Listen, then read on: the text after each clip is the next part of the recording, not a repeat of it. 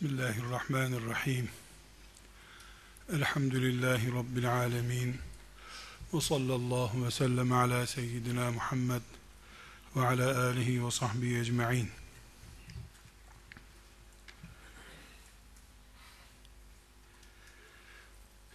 Kardeşler, ümmeti Muhammed'in yüz yıldan beri binlerce sorunu oldu. Bu sorunlar arasında bütün ümmetin aynı anda sorunu olma özelliği taşıyan en önemli sorunu tartışmasız Kudüs sorunumuzdur. Mescid-i Aksa'mız ve Kudüs'ümüz ümmeti Muhammed'in bir asırdan beri her gün biraz daha derinleşerek devam eden yarasıdır maalesef.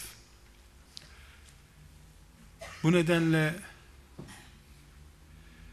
Müslümanların bütününü kuşatacak düşüncenin ya da bir davanın, bir hareketin, bir kimliğin yöresel olup olmadığının en belirgin testi Kudüs üzerinden yapılabilir. Gündeminde Kudüs olmayan bir dava, bir dernek, bir vakıf, bir toplantı yöreseldir. İslamidir değildir diyemeyiz. O İslami olup olmak Allahu Teala'nın kalplere bakarak hükmedeceği bir karardır. Biz filancanın hareketi İslamcadır veya değildir diye bir karar veremeyiz. Bir beyan olmadığı sürece ama yöresel olup olmadığına hükmedebiliriz. Çin'deki Müslümanların da sorunları var. Yani komünizm oradaki Müslüman kardeşlerimize hayat hakkı tanımıyor.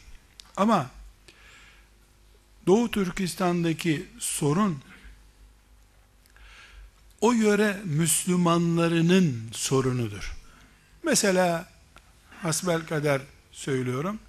Doğu Türkistan'da yaşayan 50 milyon Müslüman orada e, Çin'den gördükleri zulümden dolayı Çin'le masaya oturarak e, işte biz 5 yıl içerisinde filan yere taşınacağız. Aynı değerdeki toprakları onlara verdik dedi için anlaşıldı.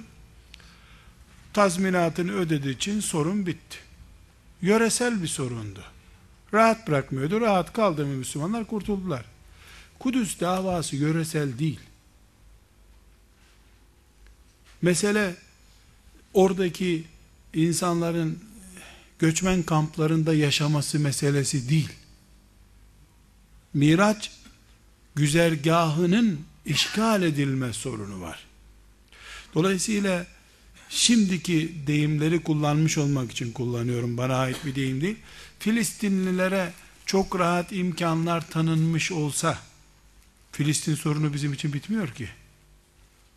Filistin sorunu değil o bizim gözümüzde çünkü. Kudüs sorunu bu. Bir asırdan beri bizim gözümüze batan haliyle aslında çalışmalar bir asırdan önce de başladı. İsrail oğullarıyla dindaşlık adıyla anılırsa Yahudilerle bizim ciddi sorunumuz var. Bu sorunun ilk kıvılcımları Sultan Abdülhamit Han'la başlatıldı. Şimdi ne hale geldi? Hepimiz görüyoruz. Bu ümmetin bir asırdan fazla bir zamandır bağrındaki derin bir yaradır. Asla Kudüs sorunu bir Arap sorunu değildir. Filistin sorunu değildir. Kabe, Medine ne kadar Araplara ait bir yerse, Kudüs de o kadar Araplara ait bir yerdir. Nasıl Kabe Arap'ın değil, Müslümanın Kabe'si ise, Kudüs de Müslümanın sorunudur. Müslümanlık adına bir sıkıntı ortaya konmuştur.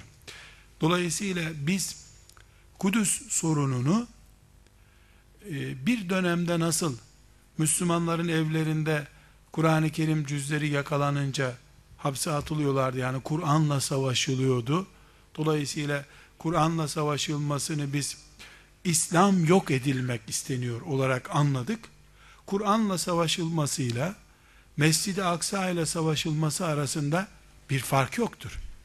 Çünkü Mescid-i Aksa'nın e, Müslümanlara ait olmaması da Müslümanların evlerinden Kur'an-ı Kerimlerin toplanması kadar İslam'ı içinden hançerleyen ağır bir yaradır. Dolayısıyla kardeşler bugün Kudüs sorununu Araplara ait, Arap dünyasına ait bir sorun olarak görmek, orada e, tarihin derinliklerinden beri yaşayan ve Filistinli diye adı anılan e, insanların kendi özel yöresel sorunları gibi zannetmek İslam'a hıyanettir. Orada Filistinlinin yalnız bırakılması, Arap'ın yalnız bırakılması Araba ve Filistinliye ihanet değildir. Ortada Arap, Filistinli diye kimse yok. Adamların muhatabı zaten Filistinli değil, Arap değil. Adamların yani orada işgal güçlerinin muhatabı İslam'dır. Ömer bin Hattab'dan intikam almak istiyorlar. Yani orayı onların elinden alan Ömer bin Hattab'dır radıyallahu anh. Dolayısıyla adamların 10 asır, 15 asırlık bir kini var. Bu 15 asırlık kini kusacağı zaman karşısında Filistinliyi bulursa Filistinliyi kusuyor. Karşısında bir asır önce Sultan Abdülhamid'i bulmuştu. Onu alaşağı etmek suretiyle intikam almıştı. Bir asır önce Filistinlinin adı Abdülhamid Han'dı. Şimdi e, filanca Filistinli oldu, filanca Müslüman oldu. Bu çok önemli bir gerçek. Konumuza girmeden önce arkadaşlar bir hakikati zihnimize yerleştirelim. Şimdi günlük haberlerle düşünen Müslüman olmaktan ağır ediyorum. Haya ediyorum. Yani bugün bir haber bombardımanı var ajanslarda. O haberlere göre bir şeyler düşünen Müslüman olmak istemiyorum. Yani e, işte melun Yahudi Müslüman kardeşlerimizi bombaladı. Bir Yahudi ateşi çıktı aramızda. Lanetler filan. Çekildim özür diliyorum. İşte tahrip ettiğim binalara tazminat ödeyeceğim dese gidip öpeceğiz adamları. Yani burada onların açısından yani düşmanlarımızın açısından tarihten beri gelen bir düşmanlık var. Biz bombalara düşmanlık yapıyoruz adamlara değil.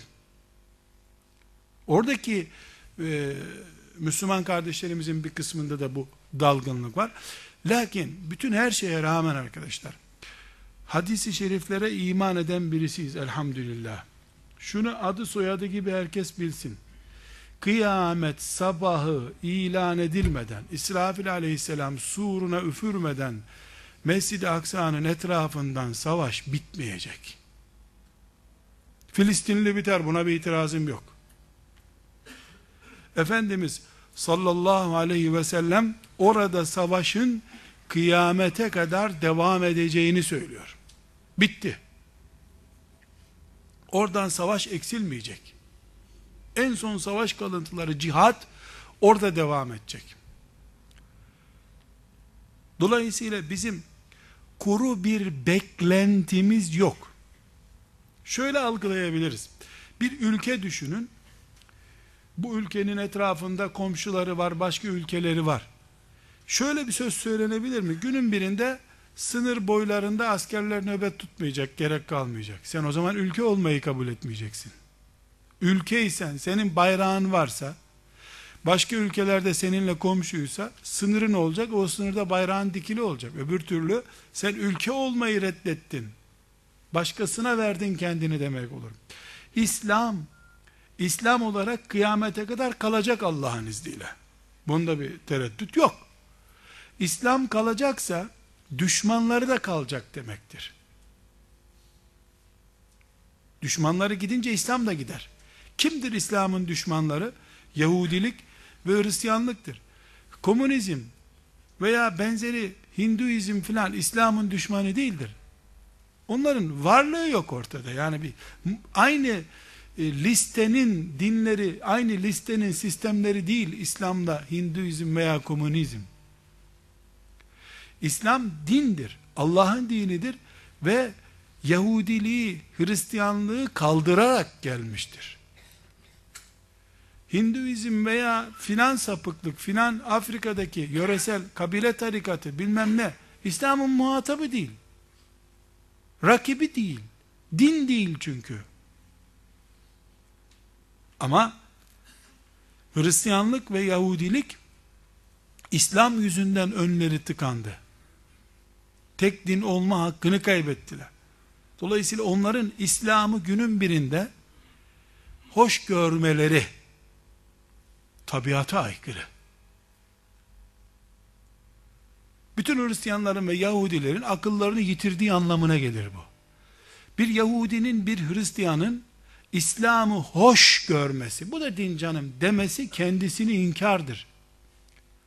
Çünkü İslam'a rağmen ben varım diyor 1400 senedir Hristiyanlık. Yahudilik İslam'dan 2000 sene önce geldi. Bütün bu geçmiş sürece rağmen ben varım diyor. Günün birinde sen de varsın demez o. Kökten aklını yitirmiş olması lazım. Bu mantık olarak hadise filan gerek yok, ayete gerek yok. Mantık olarak günün birinde Müslüman bir Yahudi ile bir Hristiyanla bir arada duramaz anlamınadır bu. Bizim ortak kesiştiğimiz nokta da Mekke değildir. Hayatta Yahudiler ve Hristiyanlar Mekke'ye ziyaretçi olarak da gelmediler. Ne tarih boyunca ne de İslam boyunca. Yahudilerin varlık noktası, aynı zamanda Hristiyanların da varlık noktası Kudüs'tür. Efendimiz sallallahu aleyhi ve sellemin miracı ile beraber de Kudüs resmen el değiştirmiştir. Bu el değiştirme törenine 124 bin peygamber katılmıştır. Bunu Yahudiler de biliyor. Hristiyanlar da biliyorlar. Onların kitaplarında böyle olacağı yazıyordu zaten. Dolayısıyla Hristiyanlar ve Yahudiler günün birinde Yahudiliğe ve Hristiyanlığa gerek yok derlerse iman ettiler demektir. İman ettik, Müslüman olduk demedikleri sürece içerlerindeki hıncın geçmesi mümkün değil. Kur'an bunu bize defaatlerce söylüyor. Asla Müslümanlardan razı olmaları mümkün değil. Razı olması Müslüman olması anlamına geliyor zaten. Dolayısıyla ayet hadis olmasa bile Kudüs'le ilgili ayet ve hadis olmasa bile Müslüman olarak biz şunu bileceğiz ki e, bizim Yahudilerle Hristiyanlarla yüz yüze geldiğimiz yer muhakkak olacaktır. En doğal yüz yüze gelmemiz gereken yerde Kudüs'tür. Dolayısıyla dünyanın bütün diyarlarındaki Müslümanlar hoş gördü, boş gördü diye dinlerinden vazgeçebilirler. Kudüs'te bu hiçbir zaman olmayacak.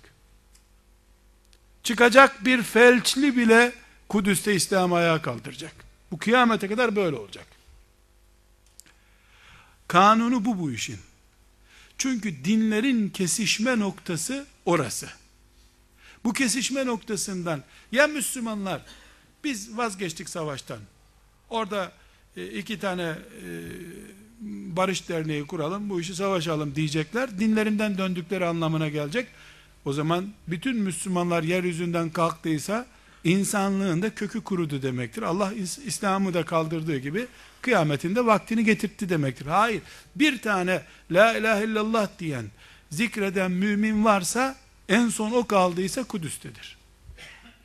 Hadis-i şerifler çok açık arkadaşlar. Efendimiz sallallahu aleyhi ve sellem her yerde belli dökülmeler olacak, ümmetim dağılacak, bozacaklar diyor. Tek bir yerde bozulma olmayacak. Neresi ya Resulullah diyorlar. Soruyorlar. Kudüs ve Kudüs'ün etekleri buyuruyor. Sadece Kudüs'te değil. Kudüs'ün etekleri yani etrafındaki şehirlerde de İslam'ın en son çekirdeği muhakkak kalacak. Dolayısıyla buradan şu noktaya gelmek istiyoruz arkadaşlar. Hani barış, Oslo görüşmeleri, Teksas görüşmeleri falan var ya bunlar satılıkların kendilerini pazarlama çalışmaları. Kudüs'te barış olmasına inanmak mümkün değil.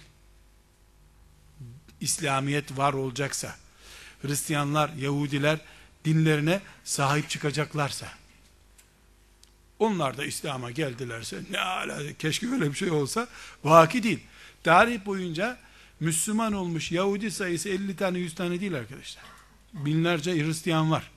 Hristiyanlar e, iblisliği beceremeyen bir kadro. Karşısında orduyu gördü mü merhaba namaz nasıl kılınıyor diye sormaya başlar. Yani Efendimiz döneminde de dahil olmak üzere Efendimiz sallallahu aleyhi ve sellem Medine'ye geldiğinden itibaren Yahudi ötlektir, tilki gibidir yalnız. Göstermelik olsun diye de namaz kılmaz. İman etmez Yahudi. Dinine sadıktır. Dini de münafıklık dini şimdiki haliyle. Her halükarda şu iki ilkeyi konuştuk. Ondan sonra konumuza geçeceğiz.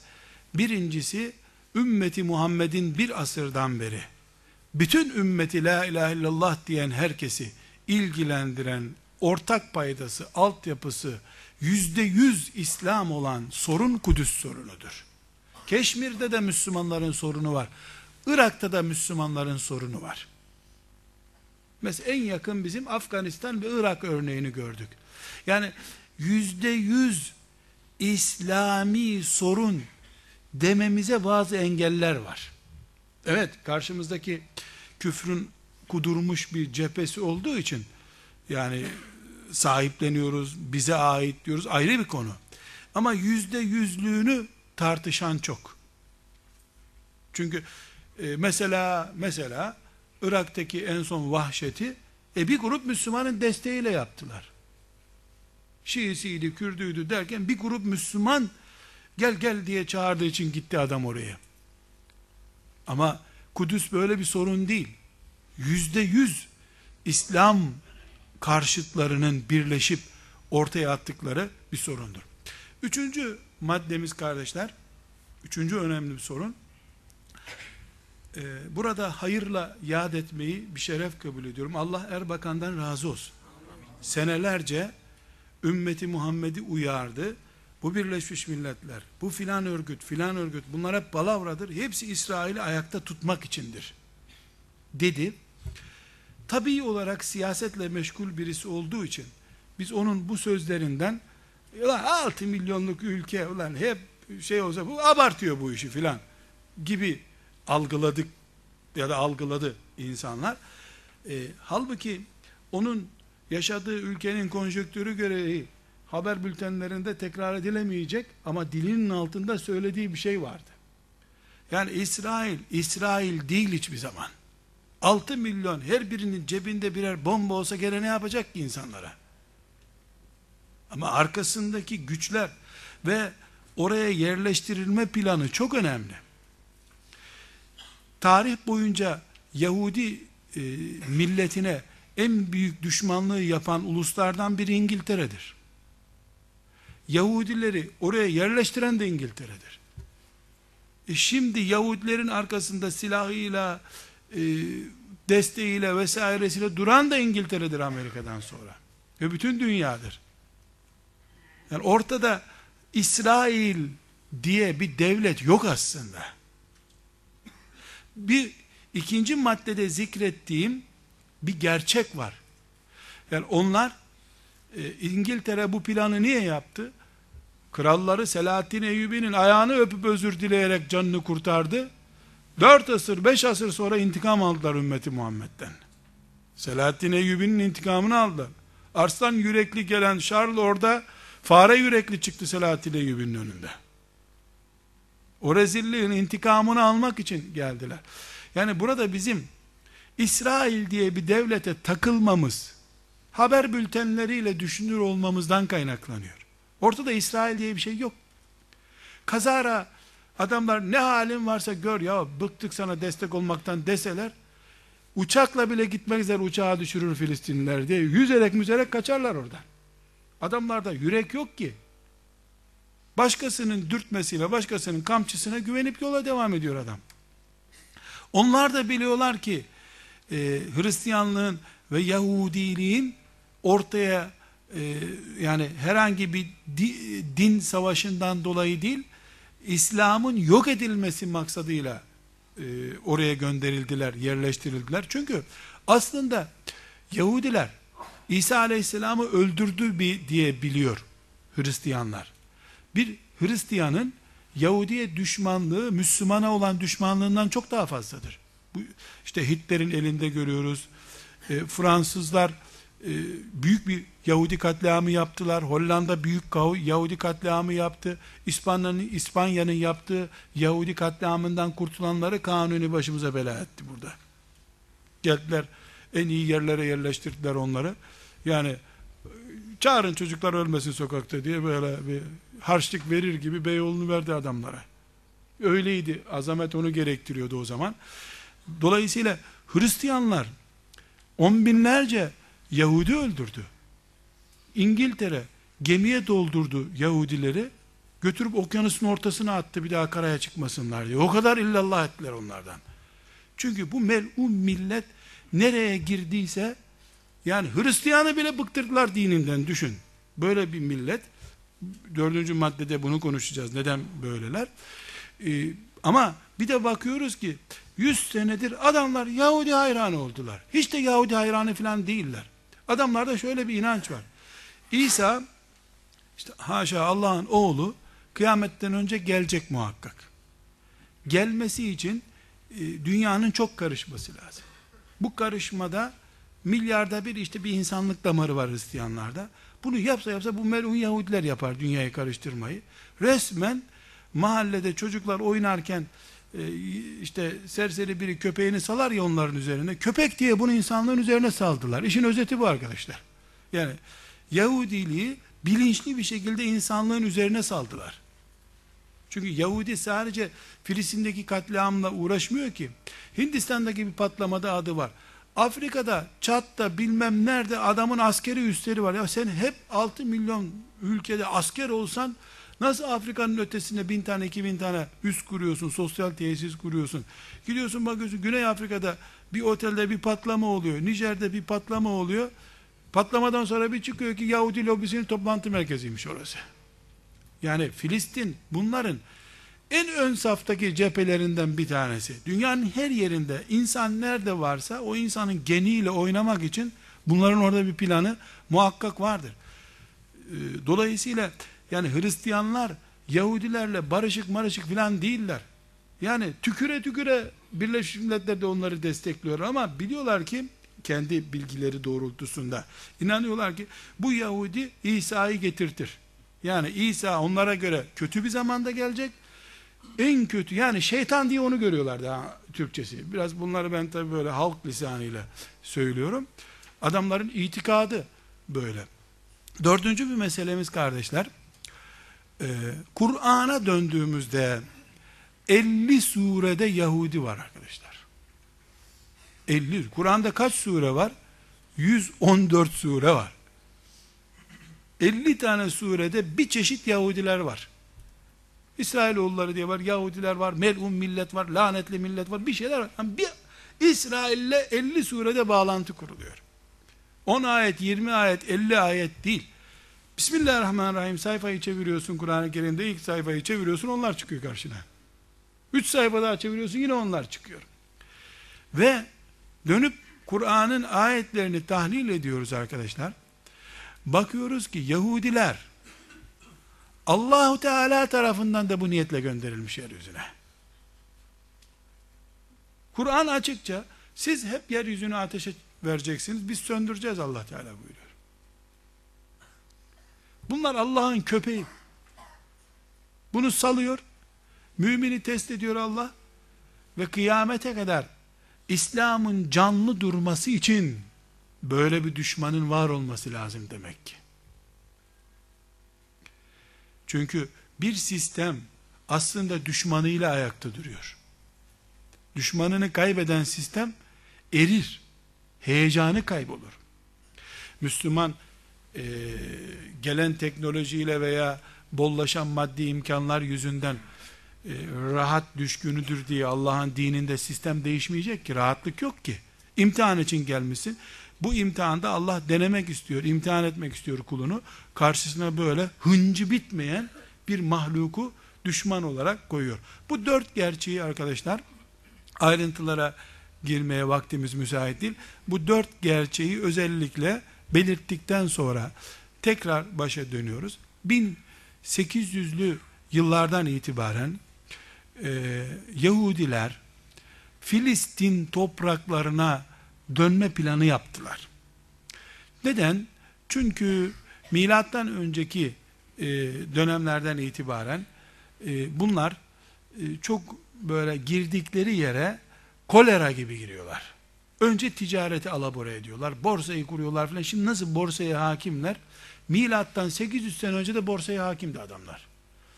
Allah e, bunları böyle bir bela olarak mikrop, kolera, veba gibi gönderiyor. Bunların e, altını üstüne getirecek kimseler de geçiyor. Babililer döneminde filan vesaire bunları böyle bir sıradan geçirildikleri dönemler olmuş. Yani Hitler'e mal ediyorlar da Hitler'e ait resimler filan var diye çok canlı. Ondan önce de bayağı katliam geçirdiler bunlar. Çünkü nasıl yaz aylarında sivrisinekten kurtulmak için herkes camını kapatıyor. Şöyle bir basıyorsun DDT'yi de ne varsa gebersin gitsin diyorsun. Öyle olmuş. Öyle olmuş. Bunlar e, ciddi bir şekilde büyük bir katliam gördüler. Bu katliamdan sonra işte iki aile, üç aile canını kurtarıp Avrupa'ya kaçtılar. Avrupa'ya kaçtıktan sonra bunlar işte Avrupa ülkelerinde e, Rusya'ya kadar gittiler, Afrika'ya kaçan, canını kurtaran kurtardı. E, ama bunlar e, İsa Aleyhisselam'dan sonra işte 150 sene sonra 140 140. senede filan Filistin'den bunların kökü kurudu. En son e, Romalılar bunları bir temizlik harekatı yaptı. Yani onu unutamıyorlar mesela. Roma bunları köpeklerine yedirtti. Asker ikiye böldü, köpeklere verdiler bunları. Yani belki dirilir iki parçaları birleşip şeytan olduğuna inanıyorlardı onlar çünkü. Romalılar Yahudileri şeytan olarak görüyorlardı. Bu birleşir diye köpeklere ciğerlerini yedirtmişler. Böyle bunlara işkence. Bir kâhur öbür kafire musallat olmuş yani bu kadar basit. Ee, buna rağmen işte sağdan soldan kaçanlarıyla yeniden nesilleri toplandı. İlk e, defa e, Osmanlı'nın Moskova'daki sefirine Filistin'den toprak alalım sizden diye teklif götürdüler. E, sefir bunu e, padişaha götürmeye bile cesaret edemedi bu teklifi kovuldular. Daha sonra Sultan Abdülhamid'e e, borçlarınızın karşılığında Filistin'den bize toprak verin dediler. Sultan Abdülhamid önünden kovdu rahmetullahi aleyh. Ama e, kovmakla kurtulamadı. Sultan Abdülhamid'i bu sefer alaşağı ettirdiler. Çünkü ticarete hakimdiler. Osmanlı'nın borçlu olduğu ülkelere hakimdiler. Neticede e, Sultan Abdülhamid Han rahmetullahi aleyhin İttihat ve Terakki'nin planlarıyla e, iktidardan aşağı düşürülmesiyle beraber bütün İslam topraklarında İngiliz hakimiyeti ortaya çıktı. Çünkü İttihat ve Terakki İngiltere ile bağları çok güçlü bir örgüttü. Ee, onlara İngiltere iktidar sundu padişahın topraklarında. Onlar da başta Medine-i Münevvere ve Kudüs olmak üzere Araplar baksın işine bize ne diye bir mantık güttüler. Ee, Medine'de her türlü rezillik yapılır hale geldi. Arap kardeşlerimizle e, Osmanlı çocuklarının arası yüzde yüz açıldı. Fitne fesat girdi Müslümanların arasına. Yani e, İttihat ve Terakki bugünkü katliam dahil ümmeti Muhammed'in akan kanının sorumlusudur. Abdülhamid rahmetullahi aleyh bütün e, sıkıntılara rağmen yani kansız bir şekilde en azından can zayiatı olmayacak bir siyasetle işleri götürüyordu. Her halükarda e, Yahudiler işte bildiğimiz gibi 1947'de Önce Birleşmiş Milletleri kurdurdular. Birleştirilmiş milletleri kurdurttular. Birleştirilmiş milletler e, kurulduktan sonra amir güç onlar orada zaten. Bildiğiniz gibi e, Yahudi kültürünü yaşatma dernekleri kurdular önce Kudüs'te. Bunlar İngiltere'nin e, Osmanlı'da 1909'dan yani daha doğrusu 1910'da Sultan Abdülhamit'ten sonraki dönemde İngiltere çıkartma yaptı. E, Kudüs bizimdir vesaire filan diye. Osmanlı'dan da ufak tefek askeri e, birlikler var ama İngiltere e, ciddi bir şekilde işgal etti. Örgütlere e, orada Müslüman katliamı tembihi yapıldı. Şimdi şu anda mesela İsrail geliyor bombardıman yapıyor vesaire filan ya 1920'den sonra bu bombardıman nedir canım? Dedirtecek katliam yaptılar orada. Gece insanlar evlerinden çıkardılar, öldürdüler, denize attılar. Yani Allah'tan başka bilen yok orada yaptıkları zulmün haddini, boyunu. Netice olarak 1947'de e, Birleşmiş Milletler e bunlar da burada canım bak bir sürü evleri var. E bir kasaba da bunların olsun diye bir kasaba verdi onlara. Taviz zaten bir karışla veriliyor. Bir karışı veren tamamını vermeye hazır oluyor. Şöyle bir e, dedikodu var. Bunun belgelenirlik tarafı çok zayıf arkadaşlar. İşte Filistinliler parayı görünce evlerini sattılar filan. Bu yanlış. Yani oradan toprağını satan, evini satan Filistinli yok arkadaşlar. Adamı öldürdüler, el koydular. Karısına dediler bize satmıştı burayı. Yani e, İsrailli, Yahudi para vererek ev almadı. Bir kurşun kaça mal oluyor ki niye bir, bir sürü para versin Müslümana? Böyle düşündüler.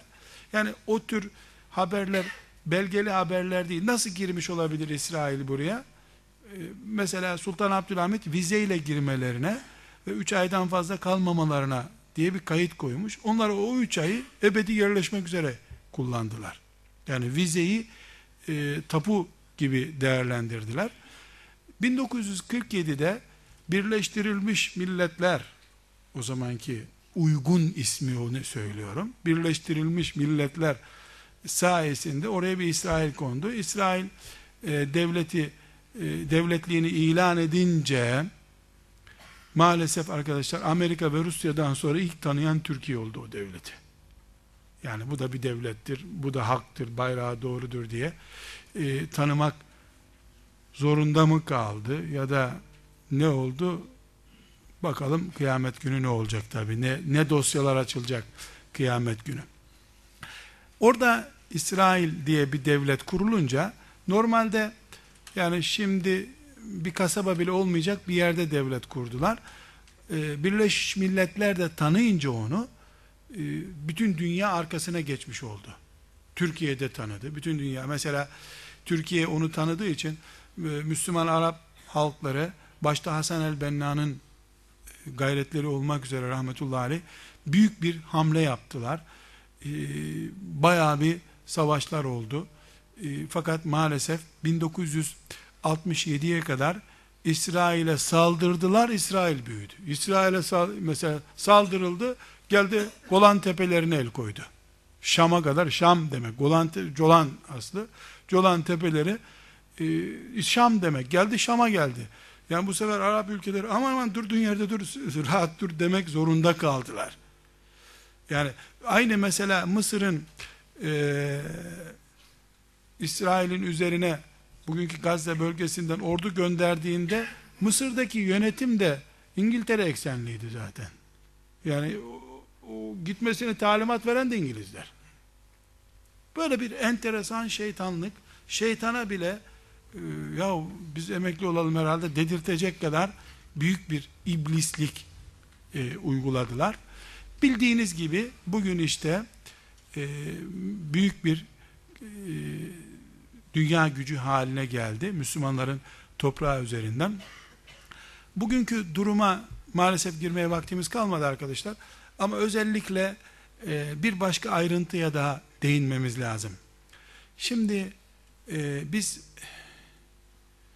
Filistin diye bir sorun duyduk çocukluğumuzdan beri.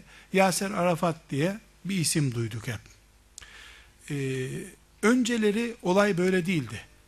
Yani ilk 1970'li yıllara kadar e, Araplar kendi sorunu olarak gördüler Filistin'i. Bilhassa Mısır, Ürdün, Suriye e, sürekli İsrail'le savaş teyakkuzu halinde oldular. E, özellikle Mısır'ın büyük zayiatı var bu işte. Yani Mısır e, sürekli kan kaybetti. Sonunda gitti. Kamp David denen e, bir anlaşma yapıldı. Mısır orada İsrail'i devlet olarak tanıdı, işte elçilik verdi, elçilik aldı. 1970 yıllardan söz ediyorum. Mısırlı Müslümanlar, İhvan-ı Müslümin de Enver Sedat denen bir başında zalim vardı. Tuttu onu bir törende öldürdüler. Yahudi ile anlaşma yaptı diye. E, yani Mısır'a çok pahalıya mal oldu İsrail'in varlığı. Ürdün e, Filistinlerden dolayı İsrail'le çok sıkıntısı oldu. Çünkü e, Ürdün normalde devlet değil zaten. Yani İngiltere'de e, birisini taltif etmek için sana da bir devlet verdik orada diye harita üzerinden verdi. Gitti baktı o haritayı nereye düşüyor. Oradan işte arsa emlak alır gibi bir, bedava bir devlet kurdular. Yeter ki Osmanlı'nın toprağı bölünmüş olsun. Osmanlı'nın tek başına idare ettiği yerlerde e, bir torba dolusu devlet var şimdi. Bir tane yapmaz hepsi. Ayrı bir konu. E, Ürdün e, İsrail'in talimatıyla İngiltere ben sana burada devlet verdim değil mi diyor. Madem devlet verdim bir iki tane kamp kur burada Filistinliler İsrail'den kaçınca oraya sığınsınlar dediler. E, Filistin'de İsrail'in zulmünden kaçan Müslümanlar Ürdün'e sığındılar. Ürdün onlara böyle işte kamp dedikleri mülteci kampı filan diyorlar ya böyle yani piknik kampı filan değil. Evi var bizde gece kondu mahalleleri gibi. Bildiğiniz gece kondu mahalleleri suyu akmaz, kanalizasyonu yok öyle berbat bir yer işte. Ürdün sonra anladı ki başına bela oldu bu kamplar filan. İsrail'in öldürdüğünden aşağı olmayan Müslüman Filistinli öldürdü Ürdün. Ama haberlerde bugün geçmediği için bir şey yok tabi. Haberde geçse bak bir Ürdün laneti daha yapardık şimdi. Yani 1985-88'e kadar ki ondan sonra yani Ürdün korktu İslam aleminin tepkisinden. Daha doğrusu İhvan-ı Müslim'in Ürdün'de hükümete sızma gücüne ulaştılar. Hükümet zulmetmekten çekindi ondan sonra. Bayağı Filistinli girdi tanklarıyla dağıttılar Filistin'i. Binlerce Filistinli öldürdüler. Yani İsrail'e rahmet yok. Tabi İsrail kurşun masraflarını ödemiştir. Büyük ihtimalle şimdiki katliamı da ödemiştir Ürdün. Çünkü Ürdün ve Mısır Filistin'i başlarının belası olarak görüyorlar. Yani nereden çıktı bu başımıza? Hazır biz ne güzel işte kalkınmış ülke. Mesela Mısır ve Ürdün, Lübnan, Suriye kalkınamayışının nedenini Filistin'e bağlarlar hep. Yani oraya gidiyor. Halbuki yani petrol ülkeleri e, yani Filistin bütün Filistin'in ayağa kaldırsalar e, herhangi bir şekilde e, yani masraf sayılacak bir bütçeleri olmaz ama her halükarda böyle bir sıkıntıları var. Bu hususta yani Filistin hususunda Ürdün'ün geçmişi parlak değil. Ürdün bedava bir aileye devlet verilmesinin bedelini Müslüman öldürerek ödedi. Bunlar kıyametten önce de inşallah müminlerin hesap soracağı bir günde ortaya çıkacak tabi. Şimdi 1970'lerden itibaren bir solcu olan, abdestsiz namazsız biri olan Yasir Arafat, e, El Fetih diye bir örgüt kurdu. Neden? Çünkü Ürdün'ün zulmü ve Mısır'ın bakın lan başınızın çaresine bana ne sizden diyen mantığı Filistinlileri kendi başlarının çaresine bakmaya zorladı. Ee, bu başlarının çaresine bakma iki türlü oldu. Bir, ilk İsrail oraya geldiği günden itibaren rahmetullahi aleyh Hasan el-Benna ordular kurup kendisi 3000-5000 kişilik ordular kurup devlet gibi Kudüs'ü kurtarmaya geçtiler. Büyük şehitler verdiler orada.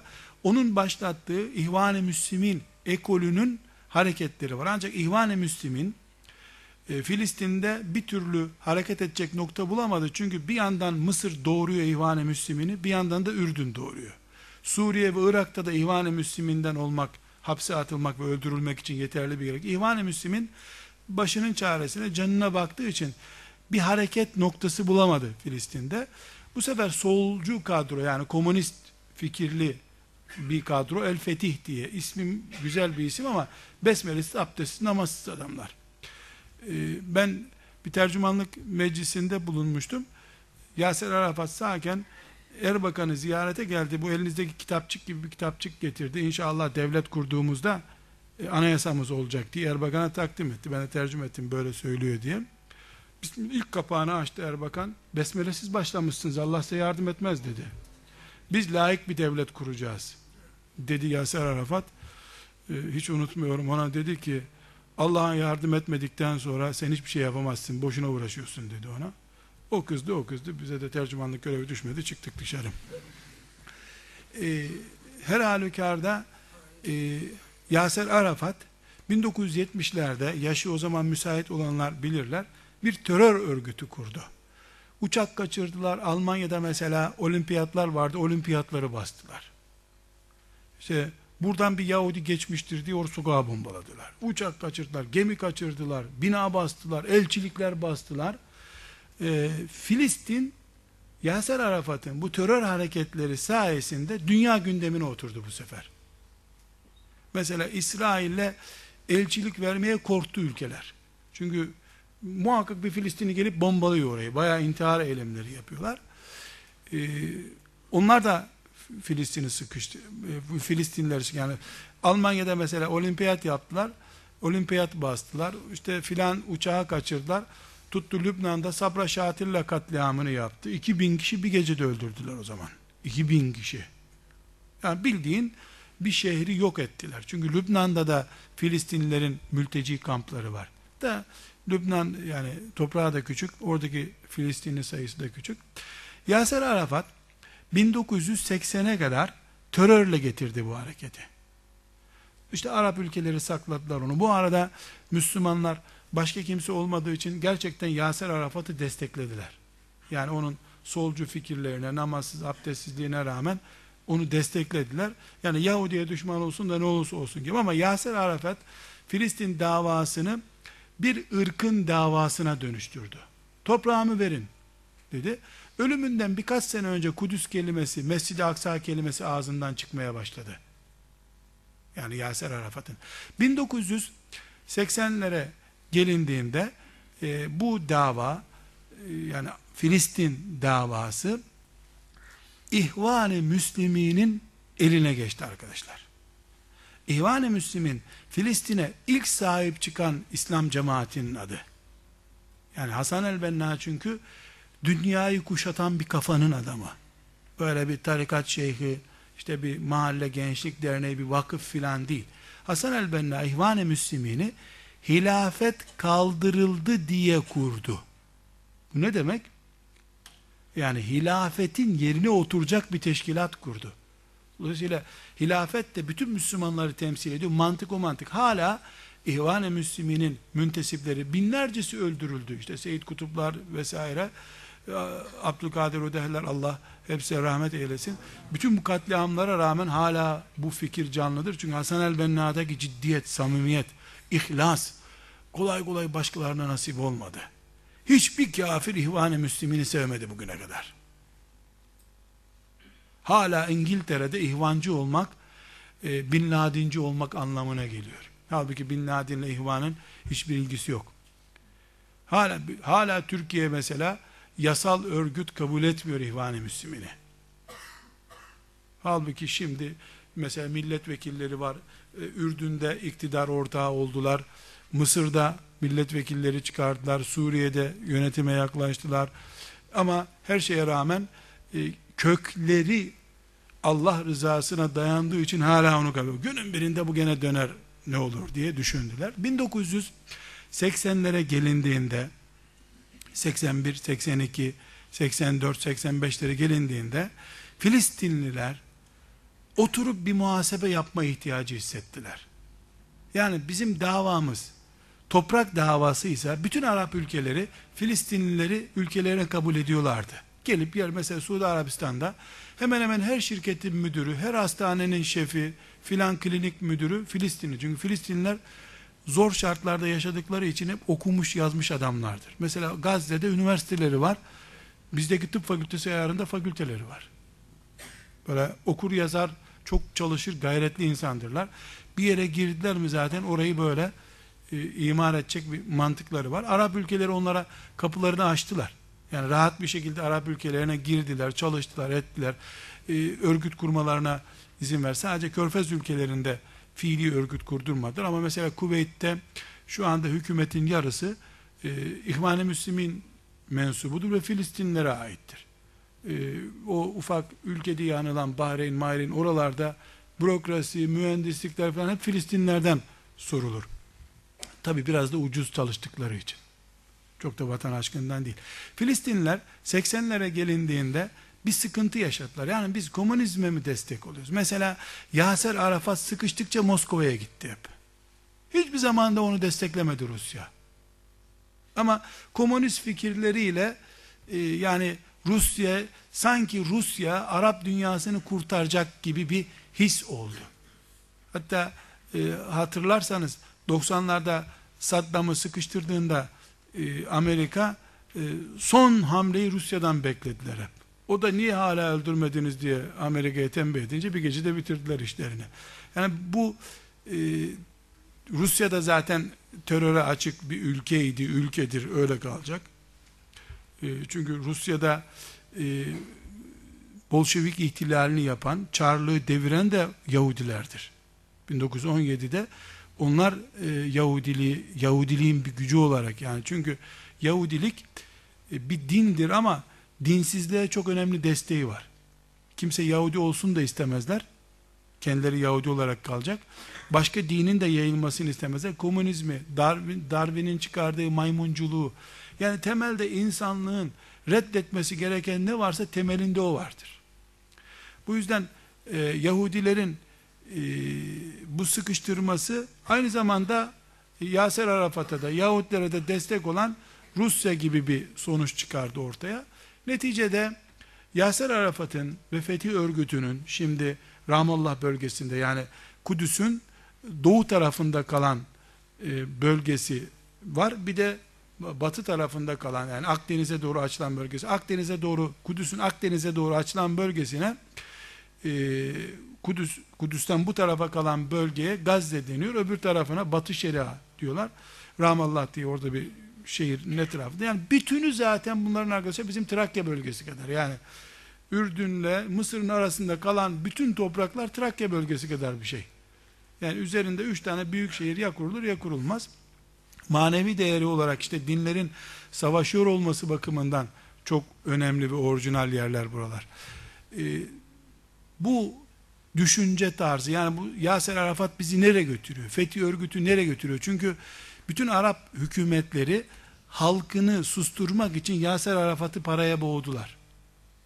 Yaser Arafat özel uçağıyla bütün dünyayı dolaştı. Barış görüşmesi yapıyorum, yok şunu yapıyorum diye. Öbür taraftan halkı sefaletten ölüyor. Neticede 80'lerde e, e, İhvan-ı Müslim'in kıpırdamaya başladı. Yani bizi bunlar komünizme götürüyor. Kudüs davamız zayıflıyor diye. Bu sefer Amerika özellikle Fransa'nın e, el altından desteğiyle Yaser Arafat'ı legalleştirdiler. Binlerce Yahudinin yaralanmasına sebep olan ve işte konsoloslukları basan, uçaklar kaçıran, olimpiyatları basan, işte Barcelona'da filan katliamı yapan El Fethi örgütünün başı olan Yaser Arafat Madrid'de bir gecede e, Yahudilerin ortağı oldu. Yani yakalandığı yerde bin parçaya bölecekleri adamla öpüştüler toplantılarda. Birden aşık oldular Yaser Arafat'a. Ama sebep ne? İhvan-ı Müslim'in e, Filistin'de hedef koydu. Ne hedef koydu? 83'ten itibaren dediler ki bu dava toprak davası değil Kudüs davasıdır.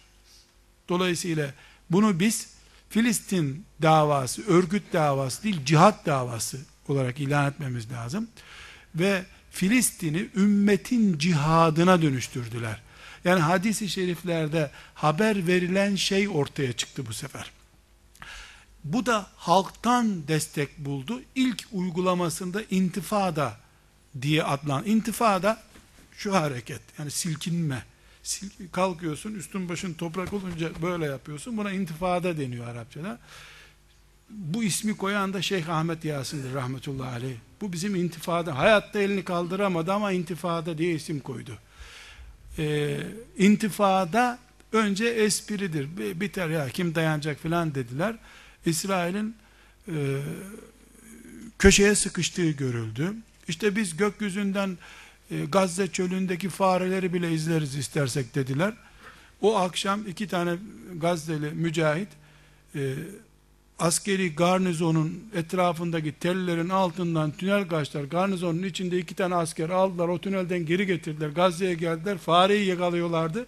İki askerinin gittiğini yakalayamadılar. Rezil oldular bütün dünyaya. Allah'la olan mağlup olmaz arkadaşlar. Ama silahına güvenirsen kaçacak delik ararsın.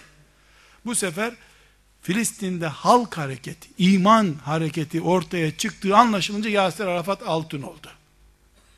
Aldılar onu otellerde toplantılara filan. Bu sefer Fethi örgütü şaşalı bir örgüt haline geldi. Maaşa bağlandı bunlar. Amerika para verdi. İşte bakanlık kurum filan. Tuttular Tunus'ta bunlara devlet kurdurdular. Uzakta yani sürgünde bir devlet kuruldu. Ama herkes biliyor ki sürgündeki devlet yarın öbür gün. Sonra da İspanya'da bir toplantıda Yaser Arafat'ı devlet başkanı olarak tanıdı İsrail. Yani ölüm fermanını çıkardıkları adamı devlet başkanı olarak getirip Ramallah'a koydular. Ama Yaser Arafat'ın ağzından sadece Filistin kelimesi çıktı. Kudüs diye bir kelime hiç çıkmadı ağzından. Ve kurdurdukları devlette hava sahanlığı olmayacak. E, sadece emniyet güçlerinin e, bellerinde tabanca olacak, başka silahları olmayacak. Bakanlıkların son onayını hep İsrail hükümeti verecek. Maskara bir hükümet kurdu. Çocuklar ebecilik oynar gibi bir devlet kurdurdular. Bu durum İhvan-ı Müslim'ini biraz daha dikkatini çekti. İhvan-ı Müslim'in ikinci intifadaya geçti bu sefer. İkinci intifada ile beraber Fethi örgütüyle diğer Müslümanların da arası tamamen açıldı. Ama e, Filistin halkı da e, davanın cihada dönüşmesine tam destek verdi. Bütün bu çalışmalar arkadaşlar Şeyh Ahmet Yasin isimli bir adamın eseri. Ahmet Yasin 16 yaşında denizde tak, deniz kenarında takla atarken boyun kemiği kırılmış bir insan. 16 yaşından sonra ne elleri tutmuş, ne ayakları tutmuş, ne bir gün tuvalete gidebilmiş. Tuvalete de gidememiş hiç. Hep birisi almış tuvalete götürmüş. Yok. Ee, ve çok enteresan arkadaşlar 1948'de 12 yaşındayken örgüt kurmaya kalkmış. Yani felçli olmadan önce de öyleymiş. Ve 1967'de e, ciddi bir şekilde İslam'ı ayağa kaldırma anlamında bir çalışma yapıyor.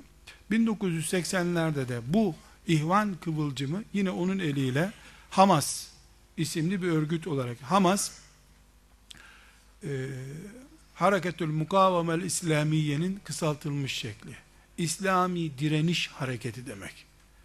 İslam kelimesi Hamas'ın çözüldüğünde İslam kelimesi ortaya çıkınca da ipler koptu.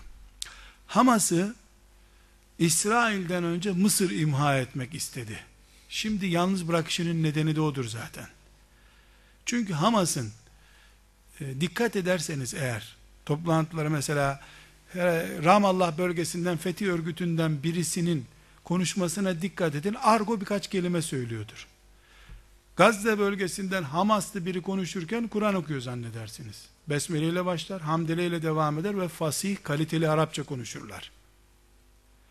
Ramallah'ta Fethi bölgesinde ki Filistinliler konuşurken İngilizce veya Fransızca konuşurlar.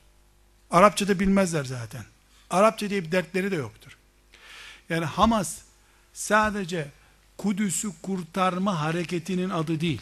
Hasan el-Benna'nın İslam'ı yeryüzüne hakim kılma hareketinin adıdır. O Hamas'ın asıl kurucusu Hasan el-Benna'dır. Bunu Ürdün çok iyi anlıyor. Mısır da çok iyi anlıyor. Onun için İsrail'e gerek yok. Aslında Mısır'a rica etseler iki saatte o işi halleder.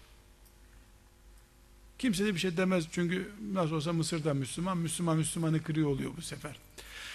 Bu nedenle Hamas e, bugün bizim zannettiğimiz gibi işte İsrail'in karşısında topraklarını savunan bir örgüt değil arkadaşlar. Hamas Biz Müslüman olarak burada ne hissediyorsak onu hisseden bir örgüt. Dolayısıyla 300 tane çocuk, 700 tane kadın ölmüş. 600 tanesi sakat kalmış. Orada sorun değil bunlar. Biz kendimize ağlasak daha iyi olur herhalde. Adam Allah için şehit olmaya koşuyor. Sen öldün diyorsun adamı üzülüyor. Yani e, Hamas mensuplarının arkadaşlar e, adamın iki tane oğlu kaçırılmış, üç üç tanesi öldürülmüş. Evinde taziye töreni yapılıyor. Kadın dik oturmuş, kız verdi ya şimdi. Allah rahmet etsin, başınız sağ olsun diyor komşulara. Allah size de nasip etsin. Allah size de nasip etsin. Sanki çocuğunu sünnet ettirmiş. Arkadaşlar tiyatrosunu oynamak bile zor bu işin. Yani üç tane çocuğu bombanın altında parçalanmış. Allah size de nasip etsin. Size de nasip etsin. Çünkü herkese nasip olmuyor ya şehitlik. Anlayışı şehitlik olan, Allah'a kavuşmak derdinde olan birisine ne yapsın İsrail? Niye öldürsün ki bunu? Öldürdükçe gerisine güç geliyor bu sefer.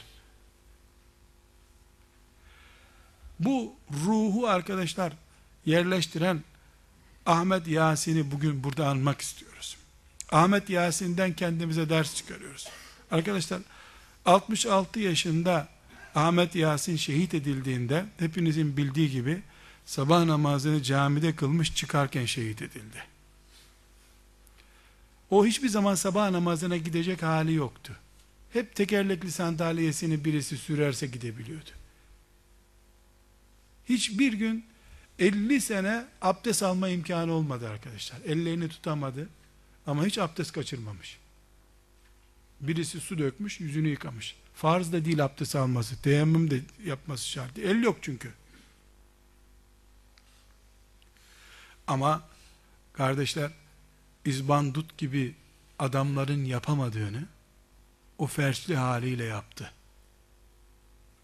Ümmeti ayağa kaldırdı. Cihat ruhunu içimize yerleştirdi. Allah ona rahmet eylesin. Nesil yetiştirdi. Konuşamıyor. İsrail hapishanelerinde defalarca kaldı. İşkencelerden gözünü kaybetmiş, kulaklarını kaybetmiş. Zehirli ilaç içirdikleri için böbrekleri çürümüş. Hasta bir insan.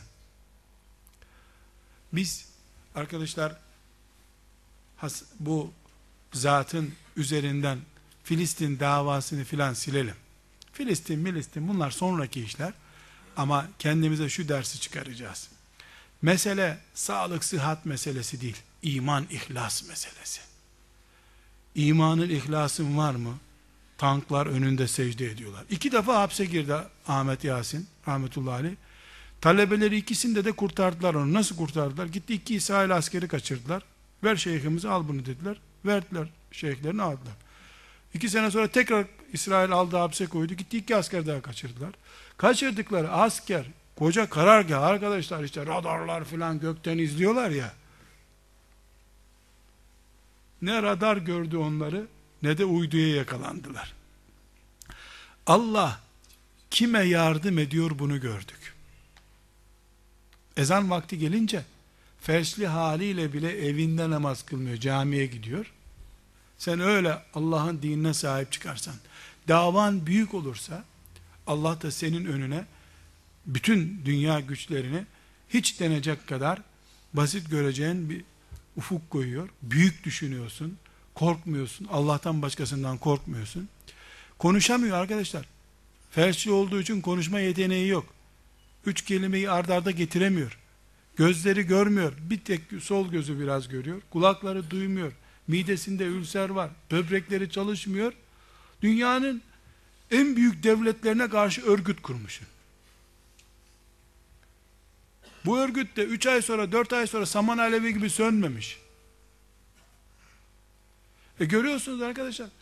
Ölürken bile zafer işareti yapıyor adamlar. Dava Filistin'de toprak davası değil, göçmen evlerini kurtarma davaları değil ama. Kur'an'ı sahiplendiler. Allah'ın için zor mu? Yani Osmanlı'nın çocukları apartman yarışı yapar. Onlar da orada cihat yarışı yaparsa onlara verir bayrağı Allah. Gün olur biz de beyat etmek için oradaki halifemizin elini öpmek için sıraya gireriz bir gün. Zorluk yok Allah için. Biz bugün Şeyh Ahmet Yasin rahmetullahi aleyhi bir sabah namazında şehit olan o mübarek insanı anmak için toplandık ama arkadaşlar onu anmamız bile e, çok samimi gelmiyor bana. Yani çok çok ciddi değiliz zannediyorum. Asas olarak onun çıktığı noktayı oturtmak istedim. Hangi noktanın üzerine çıktı? Ee, nasıl bütün dünya e, süperlerini karşısına aldı? O yetmediği gibi arkadaşlar Mısır'ı karşısına aldı. Müslüman ülkeleri karşısına aldı. Sadece Hamas'a destek destek de işte köstek olmamak şeklinde destek veren Suriye'dir. Onun da sebebini herkes biliyor zaten. Colan tepelerini İsrail'den almayı hayal ediyor. Koz olarak Hamas'ın liderlerini ülkesinde tutuyor. Yani çekil Golan'dan bunları vereyim sana diyor. Ya sahiplendiğinden falan değil Suriye'nin böyle bir derdi de yok. Ülkeler birbirlerinin içindeki örgütlere sahip çıkarlar. Yani bana dokunma ben de bu adamı bak salarım ipini demek için. Yoksa destek olduğundan falan değil. Ama buna rağmen elhamdülillah yanan yüreğimize su serpti. Şeyh Ahmet Yasin ve kurduğu teşkilat Allah ona rahmet eylesin. Onunla beraber şehit olanlara rahmet eylesin. Bizi de onları da hepimizi İslam'ın hizmetkarları olarak Resulullah sallallahu aleyhi ve sellem Efendimizle beraber buluşacağımız güne kadar ayağa sabit olan kullarından kılsın. Velhamdülillahi Rabbil Alemin.